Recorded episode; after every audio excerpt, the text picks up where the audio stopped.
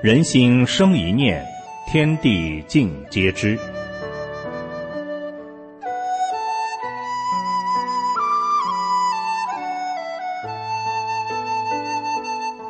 听众朋友您好，欢迎收听明慧广播电台《善恶一念间》节目。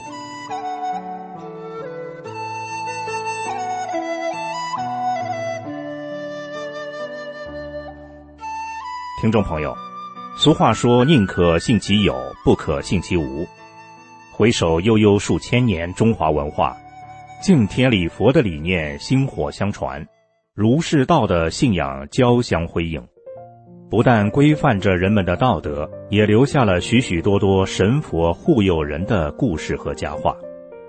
然而到近代以来，很多人受中共无神论的灌输和影响，不再相信神佛。认为人活着就是及时行乐，今朝有酒今朝醉。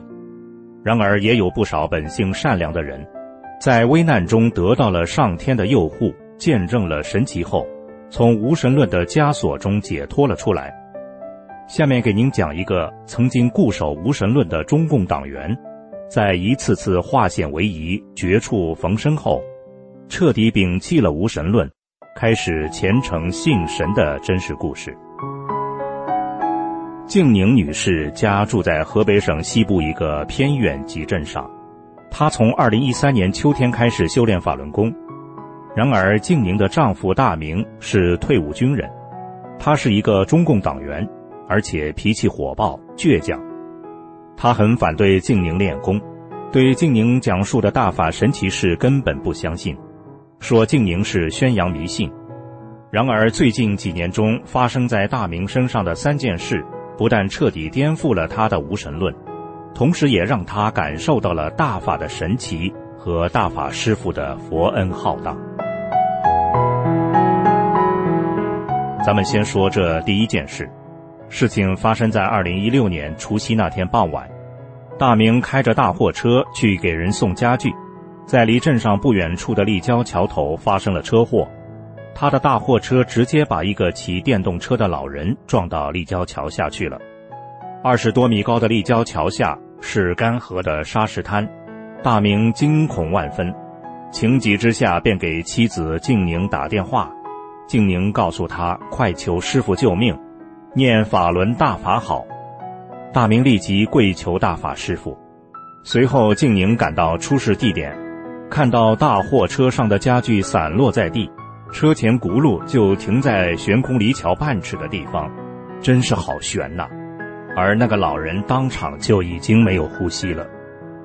当幺幺零、幺二零来人把老人抬上车送往医院后，医院经检查发现，老人毫发无损，连一丝擦伤都没有，可是就是没有喘息。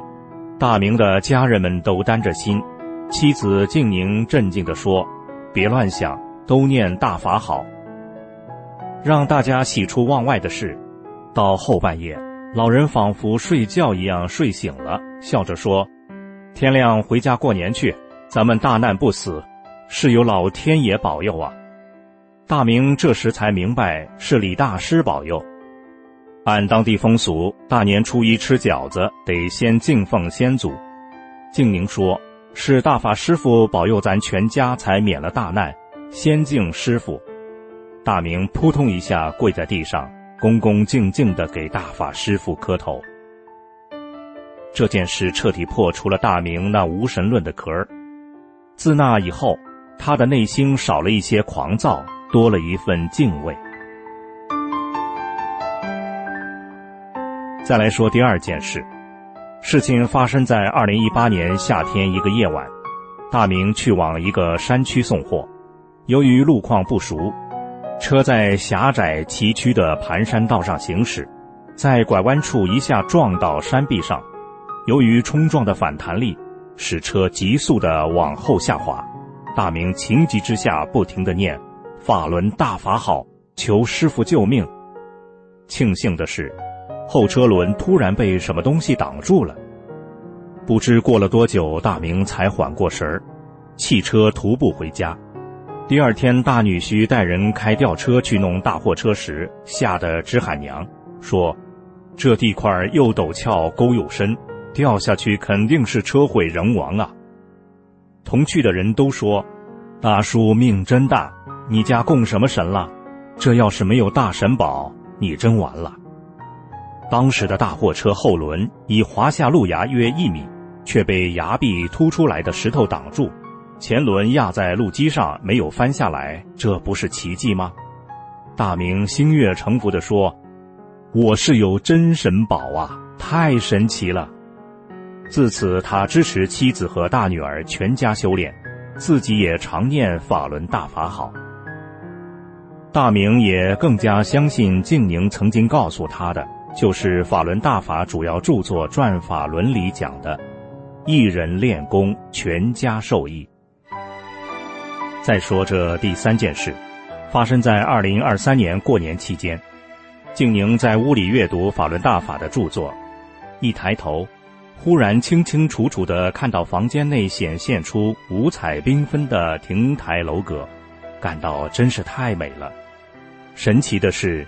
这时，大明也看到了这美妙的景象。自那以后，大明更加相信法轮大法好了。听众朋友，听完发生在大明身上的真实故事，您是不是也感觉很神奇呢？真心希望您也能相信大法的神奇，感受到大法的美好。真心希望您也能从大法中身心受益。